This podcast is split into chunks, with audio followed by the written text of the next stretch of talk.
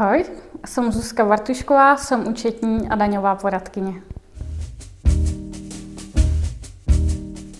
Milí přátelé, já bych vás chtěl přivítat u dalšího dílu našich rozhovorů na téma, jak podnikají profesionálové. Mým dnešním hostem je profesionálka, která dělá čest své profesi, účetní a vlastně dneska už i daňové poradkyně eh, Zuzka Bartušková. Zuzko, vítej, díky, že jsi udělala čas na tenhle rozhovor. Děkujem. Díky za pozvání. A možná bych teda, Zuzko, začal tím, co jsem načnul v úvodu. Ty jsi vlastně účetní daňová poradkyně. Hmm. Kdybys eh, třeba jenom stručně nastínila pro lidi, kteří nejsou tak znalí toho rozdílu, jako v čem se vlastně liší tady tyhle ty dvě specializace? Jasně, Roberte, eh, ten rozdíl úplně nejzákladnější je v tom, že daňový poradce musí složit odborné zkoušky, které jsou teda opravdu velmi náročné. Oficiálně komora uvádí, že úspěšnost do 20%. To, takže jako jsou, jsou opravdu hodně těžké i pro profíka. Ani lidi, kteří mají čerstvě vejšku, je neudělají. Takže má, má složenou nároční profesní zkoušky, je zapsaná v seznamu daňových poradců a kdokoliv, kdo má pochybnosti, jestli někdo je opravdu daňový poradce, když to o sobě tvrdí, tak si může najít stránky komory daňových poradců www.kdpr.cz a tam, si, tam jsou zapsaný hmm. všichni registrovaní daňoví poradci. Je to asi rozdíl jako mezi právníkem a advokátem. Advokát je taky zapsaný vlastně v komoře, má složený profesní zkoušky. Zatímco účetní, pokud eh, je prostě profese, kterou může někdo dělat jako zaměstnanec a Eh, jinak je to živnost vázaná, když prostě máš vzdělání ekonomického směru a nějakou eh, kvalifikaci anebo ručitele, tak ji můžeš dělat, ale v podstatě nikdo tam jako negarantuje, že si složil nějaký vstupní zkoušky. Mm, jasně. Možná ještě bych eh, se tě zeptal na jakou možná trošku okrajovou věc, controlling, jestli vlastně spadá vlastně do toho, co ty děláš, to je vlastně další taková účetní specializace. Ne, controlling je trochu něco jiného. Controlling určitě nedělají daňoví poradci, nebo pro ně, jako některý to může dělat, ale jako další oblast. A controlling má blíž eh, k, řekněme, auditorům nebo k finančním, mm, k ekonomům, který se zabývají controllingem, takže ne, je to něco jiného. Mm, takže to, to už je oblast, do které ty nezasahuješ? Uh, já bych řekla takhle, nějaký základní, řekněme, finanční analýzy, plány cash flow na takový mm, úrovni, řekněme, běžný, základní, kterou využije freelancer nebo malá firma, tak to určitě zvládnáme a zvládne to. Účetní by to měla zvládat. Mm-hmm. Možná ještě k tomu rozdílu, jako uh, účetní je primárně orientovaná na účetnictví a daňový poradce na daně. Není výjimka, že daňový poradce neúčtuje, prostě se tím nezabývá Jasně. a je odborník klidně jenom na jednu konkrétní mm-hmm. daň daň a fakt pak zná všechno. Zatímco účetní má jako širší záběr. Dobrá, tak díky za to úvodní uh, vysvětlení vlastně těch specializací. Um, uh, pojďme, pojďme vlastně k tomu, proč jsem ti vůbec oslovil k tomu mm-hmm. rozhovoru. Uh, mně se na uh, tobě strašně líbí uh, dvě věci. Na která, že děláš osvětu v té své profesi, mm-hmm. publikuješ, uh, máš vlastně uh, kurz, uh, ke kterému se asi dostaneme také. A kdykoliv eh, vidím nějaké téma třeba na sociálních sítích, eh, mám těch přátelích, takže vidím, že se vyjadřuješ vlastně odborně vlastně třeba k nějakým nepřesnostem, nebo jakoby děláš v podstatě hodně činností, které pomáhají lidem lépe chápat účetnictví a vlastně ty problémy kolem daní. A líbí se mi, s jakým to děláš zápalem. To je ta druhá věc.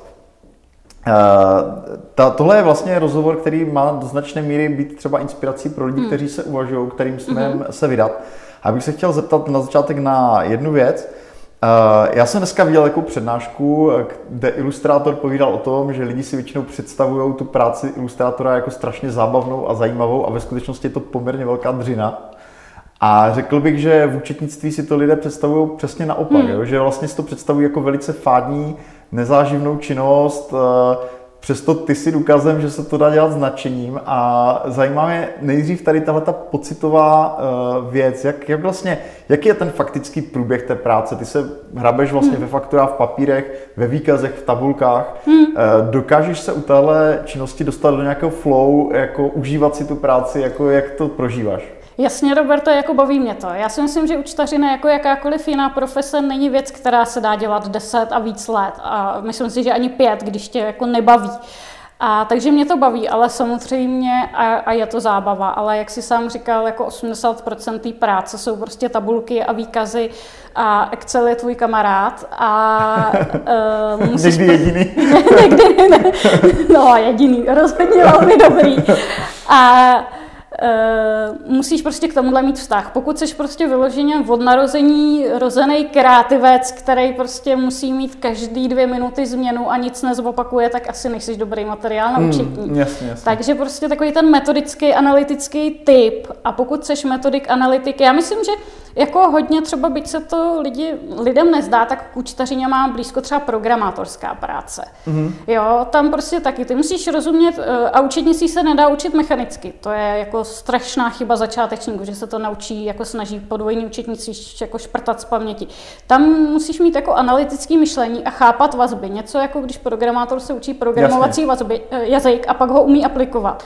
Tak účetní funguje stejně. Naučí se prostě základní pravidla a musí je umět aplikovat prostě Eh, trošku správně, správně jo. ale hmm. není to úplně tak dogmatický a rozhodně to není nuda. Ale a jako i se prostě učitní strašně jako zasnějou, když na to přijde, ale hmm. Jako je fakt, že jako gro té práce je prostě, musíš být schopný dělat nějakou hmm. rutinu, kterou opakuješ, že jo, nemůžeš si říct, když děláš 20. daňový přiznání, že to už si dělala, uděláš ho jinak, jo. Jasně. Uh, dobrá, takže díky za tuhle odpověď. Uh, je to v tom hodně vidět, v tom, co publikuješ a tak, že ti to baví, takže to je, to je, to je skvělé. A e, zajímáme dál, vlastně jak se dostala k podnikání, e, přece jenom jako hodně účetních v podstatě skončí někde ve firmě, dělají hmm. dlouho pro jednu firmu, e, relativně málo účetních jako si založí, e, vy máte Zeročko, vlastně hmm. jste dva jakoby partneři, hmm. spolu, spolumajitele, a jak jsi se vlastně dostala k podnikání a vůbec jako k tomu, co dneska děláš? Ten, jaké byly ty začátky? Jasně, ty začátky byly takové, jako já jsem už od dětství věděla, že chci být učitní a tak jsem jako tomu potřídila jako vzdělání a další. Jako ne, tak... Počkej, já můžu ještě tě zavřešit, jak jsi mohla od dětství vědět, že chceš být učitní. Ale, to je jako je dost originální, ale ještě nikdo mi tohle neřekl, takže... Eh, tak jako když jsem byla úplně nejmenší, tak jsem chtěla být vědec, ale to učitní teda bylo, eh, mě když bylo zhruba mezi deseti až až 13, tak naši hmm. měli, firmu měli velkou obchod s krmivem pro zvířata, rozváželi to po republice a mě prostě hrozně fascinovaly všechny ty papíry, doklady, ty DPH, silničky, jako z pohledu toho dítěte mi to přišlo fascinující a jako v létě, když byly vedra, tak ostatní děti byly u vody a na tábory, já jsem s tátou se pařila v dodávce a těšila jsem se, až složí to zboží a budu moct dát razítko na fakturu, jo. to jsem to prostě, prostě měla hodně. Takže to byl ten první kontakt, takže věděla si, že chceš být účetní. OK, co byl ten další krok? Jako? Hele, ten další krok byl, že jsem si celkem konvenčně jako říkala, že se musím nechat zaměstnat. Já jako taky nejsem úplně jako eh, člověk, který by šel do rizika do neznáma, tak jako konvenčně ta společnost to vzdělání vychovává zaměstnance, takže jsem šla tou cestou, kam tě vede to vzdělání. Nechala jsem se prostě zaměstnat, odešla jsem teda z rodního města do Prahy kvůli prostě nedostatku pracovních příležitostí. Tam jsem dělala účetní, pak jsem přešla do větší firmy, pač mi to v té malé už přišlo nudný, že už všechno umím a pak v té větší už jsem se taky nudila a začaly mi vadit takový ty korporátní pravidla. A to jsem si ještě pořád myslela, že důvod, hmm. proč jako se mi nelíbí některé věci, jako že nemůžu rozhodovat, řídit si to podle svého, že to je jako tím, že jsem nenašla správný zaměstnání. A začala jsem se jako schánět po těch, po těch inzerátech a když už mi asi pátý personalista řekl, víte, jste jako úplně nejlepší kandidát, ale my vás nevezmeme, protože vám 30 a jste strašně stará. tak jsem si říkala, že v tom bude nějaký zakopaný pes a že nějak jako uh, intuitivně jsem tušila, že asi chci podnikat, ale že se bojím, že neseženu zakázky, vůbec jsem nevěděla, jak se to dělá, jako kam se na ně chodí. A vlastně v tu chvíli... kam se na ně chodí? tak jako... Asi ne jako do, do lesa na hůvy, ale takže kde, jak byla, jaká byla ta první uh, zakázka, která ti vlastně umožnila uh, Hele, No, Asi ten... počítám, že jsi začínala teda na volné noze, že jo? Začínala Asi. jsem na volné noze. Myslím si, že je to dobrý začátek pro každého, kdo chce podnikat. Určitě není dobrý začínat seročkem, vyjma hodně specifických oborů. A uh, začalo to tak, že mě oslovil um, bývalý uh, kolega z toho korporátu, kde jsem pracovala, že, budu, že má IT firmu a že by potřeboval účetní jako na poloviční úvazek, protože ta jeho prostě nějak skončila a on jako je v tísni a potřebuje udělat přiznání a nemá jak. Takže vlastně jsem začala jako zaměstnanec na poloviční úvazek, hmm. to mi dalo takovou tu jistotu, že jsem neměla jsem už poru 6 měsíčních platů, prostě fakt to bylo takový docela i jako rychlost, protože já, to bylo fakt 20. října, mi přišlo, že je to strašná nuda. 21. mě oslovil tenhle ten známý a 25. jsem šla na živnosták, dal jsem si ho k narozeninám. Hmm. A e, takže vlastně jsem měla takovou jako poloviční jistotu, že to zaměstnání mi pokrylo jako základní životní potřeby, jako fakt takový to jídlo, jídlo bydlení. Hmm. A podnikání už jsem věděla, Jak dlouho že jsi prostě... byla uh, jakoby sama na sebe, než, než jste se s Martinem rozhodli, že vlastně založíte hmm. nějakou společnost spolu, že začnete podnikat Jasně. společně? Já jsem živ, živnostenský list jsem měla od 2010, to bylo na podzim, tak první zakázky byly tak nějak od 2011 spíš až. A ve 2014 na začátku jsme začínali SROčko, to už jsme prostě cítili. Ono, když chcete být dva lidi, jako který jsou oba dva řídí a oba dva rozhodují, tak v té živnosti se to špatně jako uchopuje. Samozřejmě. Mhm.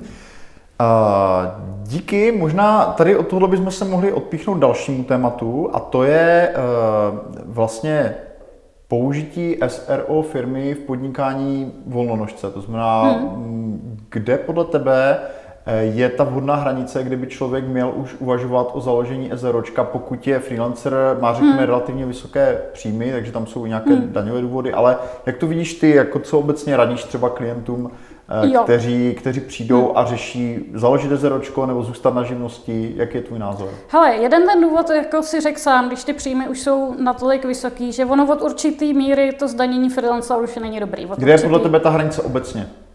No hele, já to řeknu za sebe, pocitově mě přišlo jako freelancer být pláce DPH strašný riziko. Ale, anebo mít já, i zaměstnance jako na brigádníka. No, mm, přišlo mi to riskantní v tom, že prostě kdybych tam někde něco nezvládla, tak prostě to neomezené ručení a podobně, že by mě prostě strašně mohlo jako zdrtit.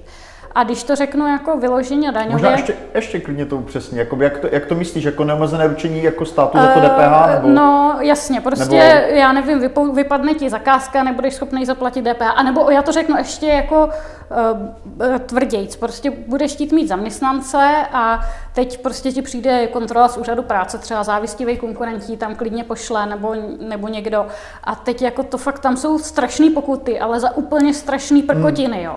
A někde... Fakt je ten, že zase volnožci většinou ty zaměstnance nemají, jo? takže spíš uh, Ale hlediska... hodně mývají brigádníky jako na dohodu, hmm. to jako se zase musím říct, s tím se setkávám. Hmm. Jo. Uh, z hlediska těch příjmů, kde si myslíš, že je ta Ale já si myslím, roční obrat 2 miliony a vejš, už to stojí za to, to minimálně začít počítat a uvažovat hmm. o tom. Jasně, super, děkuji za upřesnění. Už kvůli jako nastavení limitů, že jo, paušálních výdajů, které Jak, jsou... když bude vlastně volnonožec uvažovat o tom, že by teda přešel uh, na to ezeročko, s jakými má počítat jako náklady na, řekněme, zprávu, kdyby to třeba svěřil vám, mm. nebo nějaké podobné firmy, nebo účetní, řekněme, jaké jsou zhruba běžné náklady na trhu, a případně, co zásadního se pro něj změní, pokud přejde na to SROčko? Jasně. Já myslím, že pro hodně freelancerů je nejzásadnější rozdíl v tom, že SROčko opravdu musí vést podvojné účetnictví. A jestli jako... Takže to vyžaduje víceméně Vyžaduje to prostě firmy, mít účetní. účetní. Jako mhm. pokud to neumíte, tak to nevymyslíte. Já, já lidem, když se o tom bavíme, tak z legrace říkám, že průměrně inteligentního člověka, který má aspoň trochu vztah k papíru, naučím daňovou e- evidenci za víkend mm. a paušální výdaje za tři hodiny a tak podvojný účetnictví se za jak za půl roku intenzivního studia nenaučíte. Jasně. A to ještě musíte mít k tomu trochu vlohy. Mm-hmm abyste to zvládli za půl roku, myslím. Takže tam fakt jako musíte počítat s účetní. Jako tam Jaké jsou třeba podle tebe takové běžné náklady, se kterými počítat, jakoby, když beru teda, že ten člověk je freelancer a uvažuje, že by se založil SROčko. Hele, ono se to asi trochu liší regionálně a může se to, nebo ne asi, ale určitě to, jako vím, že učitní mm-hmm. stojí jinak v Praze a jinak někde na vesnici v jeho českém kraji tak odkud pocházím, tak mám představu, ale řekněme, počítej roční náklad v řádech tisíců. No. Mm-hmm. Super, děkuji za Jako neřeknu ti přesný číslo, záleží, co ten člověk jo, dělá. Kolik má, kolik má kolik faktur, má faktur jako tak. co si taky najde za účetní, ale když řeknu prostě v řádu tisíců. Čem, v čem bude ta, eh, když si představí, že ten freelancer má uh, jakoby nějaký videový paušál, to znamená, vede hmm. si jenom nějakou evidenci příjmu, jednou za rok hmm. dělá daňové přiznání. V čem uh, je podle tvých zkušeností ta hlavní změna, která ty lidi zasáhne v momentě, kdy přesunou tu činnost na to jezero? Jako, v čem je ta hlavní změna, řekněme, ta administrativní? No. Že nesmí bordelit papíry, když to řeknu otevřeně. Jako freelanceri, kteří jedou na paušál, tak opravdu si sledují někde, mají třeba i nějaký dobrý software, což považuji za rozumný řešení, sledují si tam příjmy a pak mají paušální výdaje a tím to pro ně končí. A v tom podvojném účetnictví, pokud nechtějí strašně zdaňovat, tak opravdu musí sledovat všechno.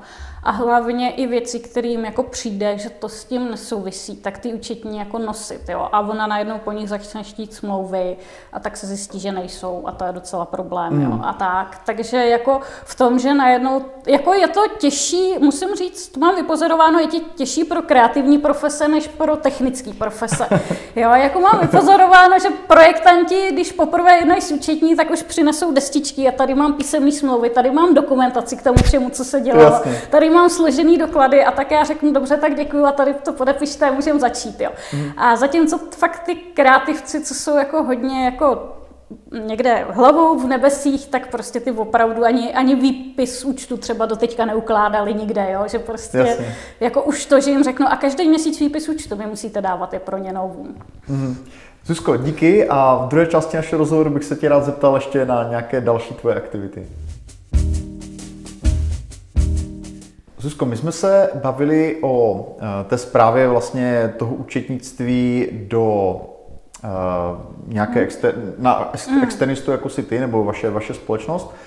Uh, s tím souvisí další moje otázka, jak eh, laik může poznat dobrou účetní. Co jsou podle tebe ty atributy, na které se dívat, když si vybírá na tom trhu, co jsou, protože je opravdu obrovská hmm. škála, škála vlastně lidí, kteří tuhle službu nabízejí. Já jsem v podstatě studoval ekonomku, hmm. měli jsme pět let účetnictví, hmm. takže bych teoreticky mohl být klidně taky účetní. A uh, samozřejmě ho nedělám, protože Jasně. je to fakt oborově už úplně mimo toho, na, na co se zaměřuji dnes, ale dokážu si představit, že jsou obrovské rozdíly mezi hmm. lidmi, kteří tuhle tu činnost dělají. Já vím, že ty ji děláš dobře, takže uh, mě zajímá tvůj insight, uh, vhled do toho, jak, uh, jak poznat dobrého profesionála ve tvém oboru. No, Robo, teď si řekl jednu věc, kterou já vnímám taky v tom našem oboru, že hodně účetních jako účetní mají to obecně tendenci sami sebe podceňovat a podceňovat svůj význam a přenáší to i na, svý, na ty podnikatele. Takže jako účetní je taková, jako když ženská na mateřský nechce vyloženě vytírat schody, tak si přivydělává účetnictvím. A tím to je, až tak. No, potkávám to častěji, než, než bych čekala, ale uh, takže jako je to někdy a zároveň pro lajka, jak si sám ukázal, je to těžký poznat. Takže jako doporučuji vždycky se o to účetní zajímat. A uh, zajímat se o její jako profesi praxi. Já si rozhodně nemyslím, že by jako freelance účetní měl začínat někdo s nulovou praxí. To prostě není místo, kde je prostor pro učit se metodou pokus omyl. Ono to, pak, když dostanete sebe nebo klienta do kriminálu, tak je to moc drahý omyl. Mm. A takže určitě by měla mít nějakou praxi, minimálně tu zákonnou prostě pět let a e, jako rozumnou praxi, jakože ne, že zadávala v korporátu faktory do SAPu, to není praxe učitní, hmm. to je praxe dobrých sekretářky. Jasně, takže a reference, to je první blok? Uh, určitě praxe, se zajímat, praxe, jako reference? hodně dobrý je, když vám účetní jako doporučí uh, kolega, který, který mu důvěřujete, že má dobrý odhad a že má z ní dobré zkušenosti, ale i tak se můžete spálit, hmm. protože prostě lidi mají různý kritéria, co je dobrá účetní a ne, ta, ne vždy je to profesionalita. Jo. Někdy to jsou takové kritéria, jako že zvedá telefon ve tři v noci, jo, což mm. jako o kvalitě práce nic nevypovídá. Jasně. A uh, určitě věřím, jako si myslím, že účetní, jako to je trochu jako když vybíráš doktora, si myslím, že je to hodně podobný. Tak jako sejít, minimálně jednou osobně si s ní sejít. A trochu dát na to, jestli si lidsky sednete. Mm. Protože prostě si myslím, že když si lidsky nesednete, tak je lepší do toho nejít. Do jaké míry uh, má třeba smysl se zajímat o to, v jakém programu třeba účtuje, protože předpokládám, že podobně jako když člověk jako chce změnit nějaký důležitý software, hmm. tak by se měl zajímat o nějaké hmm. data liberation, to znamená, jak jednoduchý ty data hmm. vytáhnout hmm. a přenést třeba do nějakého jiného systému. Takže do jaké míry je tohleto důležité? Do jaké míry v podstatě se stačí spolehnout na to, že existují nějaké tištěné výpisy, e, uzávěrky hmm. a tak dále a ty se můžou přenést vlastně k jinému účetnímu a do jaké míry je důležité, aby ten člověk používal třeba nějaký jako mm, program, který je standardem a vlastně může na něho někdo navázat. Jasně. Já si myslím, že není to úplně stěžení pro klienta, kor, pokud je to takový, že to účetnictví jako celý svěří a jako rozumný moderní účetní program dneska umí exporty čehokoliv do PDF a do Excelu. Hmm. A to je to, co toho klienta zajímá, s čím on dál pracuje. Prostě s Excelem, který je volně měnitelný. Pokud Jasně. mu ta účetní v dnešní době řekne, že má program, který mu neudělá export, do Excelu, tak pracuje v DOSu a trochu bych přemýšlela, jestli jako opravdu mi to nevadí. Jo. Mm-hmm. Je to prostě jo, to příliš oldschoolový prostě řešení. A jinak jako obecně, pokud třeba ten klient sám používá nějaký fakturační program, tak spousta z nich podporuje exporty do známých rozšířených účetních programů. A účetní to šetří strašně práce a klientovi peníze. Mm-hmm. Takže jako je dobrý se na tohle dívat. Prostě jako pokud... je to jeden z těch atributů, na který se Myslím si, který pro toho klienta má smysl v tom, že on ve finále uspoří peníze. Mm-hmm. Uh, děkuji za upřesnění. Uh, dále bych se tě zeptal na věc, která možná trošku souvisí s tímhletím. Uh, teď je obrovské téma, je samozřejmě elektronická evidence hmm. tržeb. Uh, v podstatě uh, pláce DPH čekají takzvané kontrolní hlášení. Tvůj pohled jako odborný, řekněme, na tuhle tu tematiku, bude to velká změna pro tvé klienty? Ale já myslím, že bude. EET ještě není jisté, kontrolní hlášení Kontrolní jisté je. už jisté je, no. Kontrolní hlášení bude. Eh, já myslím, že kontrolní hlášení bude hlavně práce navíc pro eh, účetní a pro klienty v tom smyslu, že pokud doteďka nosili kvartálně, protože vlastně právnické osoby všechny kontrolní hlášení budou dělat měsíčně, kvartálně jenom fyzické osoby, mm-hmm. tak budou muset dávat doklady měsíčně, což pro některý může znamenat kor, pokud jsou zvyklí předávat mm. doklady papírově, tak prostě další nějaký časové ztráty. Eh, mm, a bude to nějaký další prostě němrání se v dokladech. A elektronická evidence tržeb, tam si jako myslím, že naopak je spousta starostí navíc pro ty klienty. Já jako v obojí vnímám docela, musím říct, profesně negativně. A, mm-hmm. no, jako, já jako v jakém cháp... smyslu pro ty klienty? Mm, já si myslím, že je to zbytečná administrativa, která zaměstná spoustu úředníků a přitom ta kontrola, kterou to má zařídit na krácení daní, už v dnešní době s dnešními nástroji jsou finanční úřady schopny udělat. Mm-hmm. Jinak a bez toho, aniž by si vymýšleli nějaký takovýhle věci. Jasně, super. Děkuji za uh, upřesnění. Eh, Zuzku, úplně na závěr se ti chci zeptat na tvůj kurz. Eh, ty vlastně v rámci těch osvětových eh, činností, ty si mimochodem napsala hmm. i velice zajímavý článek Daňové minimum pro náš blog, který doporučuji. A teďka máš novinku, kurz Začněte podnikat připravení. Hmm. Co se účastníci toho kurzu dozví? Hele, Kde se můžou přihlásit? Ty, ty máš vlastně stránku účetnictví bez starosti.cz Jo, a tam, je tam, teda... jsou, tam jsou kurzy, jsou tam kurzy, vždycky se tam snažím vypsat všechny kurzy, které dělám já, anebo i třeba ve kterých školím mm-hmm. pro, pro agentury. Uh, musím říct, že neberu agentury, které mám pocit, že by to klientům nic nepřineslo, takže fakt budou kvalitní. Hmm. A Tenhle ten kurz je určený přímo uh, freelancerům nebo lidem, kteří začínají? Jo, tohle je kurz určitě speciálně pro freelancery, pro konkrétně pro OSVČ, jako není tam řešeno SROčko a je to kurz pro lidi, kteří teprve chtějí začít nebo fakt čerstvě začali, jak se říká, ještě jim neusnul ingos na živnostáku. A třeba i absolvovali tvůj kurz, protože vlastně mě to jako hodně inspirovalo, takový, že ty máš vlastně, jak říkáš, tu podnikatelskou abecedu a mně tohle přijde jako jeden střípek té podnikatelské mm-hmm. abecedy, rozhodně, aby, rozhodně. aby jako lidi Samozřejmě. uměli tohle. Takže Myslím si, že u tebe se naučí něco a u mě se naučí takový to, jako, co mají čekat za administrativu, co prostě teď mám živnosták, ne, eventuálně pro ty, co ho ještě nemají, tak se dozví, jako, jaký potřebují, kam si pro něj mají jít. A jako teď mám živnosták a co vlastně jako mám řešit, co po mně chce stát, takže jako to, jako, co musíte vůči sociální správě, zdravotní pojišťovně, finančnímu úřadu, jako opravdu ten čerstvý freelancer, prostě, mm. který si myslí, že nemusí nic, tak aby jako opravdu byl připravený. A já musím říct vlastní zkušenosti nebo profesní, že nejvíc doměrků daně, pokud zbytečných, je prostě z neznalosti. Pokud hmm. teda odmyslíme umyslní podvodníky, který to ví, že podvádějí, ale jako fakt jsou to obrovské pokuty z neznalosti. A mám zkušenost, že ty ty lidi, jako pro podnikatele freelancera je nejdůležitější poznat okamžik, kdy se mají poradit s účetní. Mm-hmm. A to si myslím, že tenhle kurz je na to připraví. Paráda.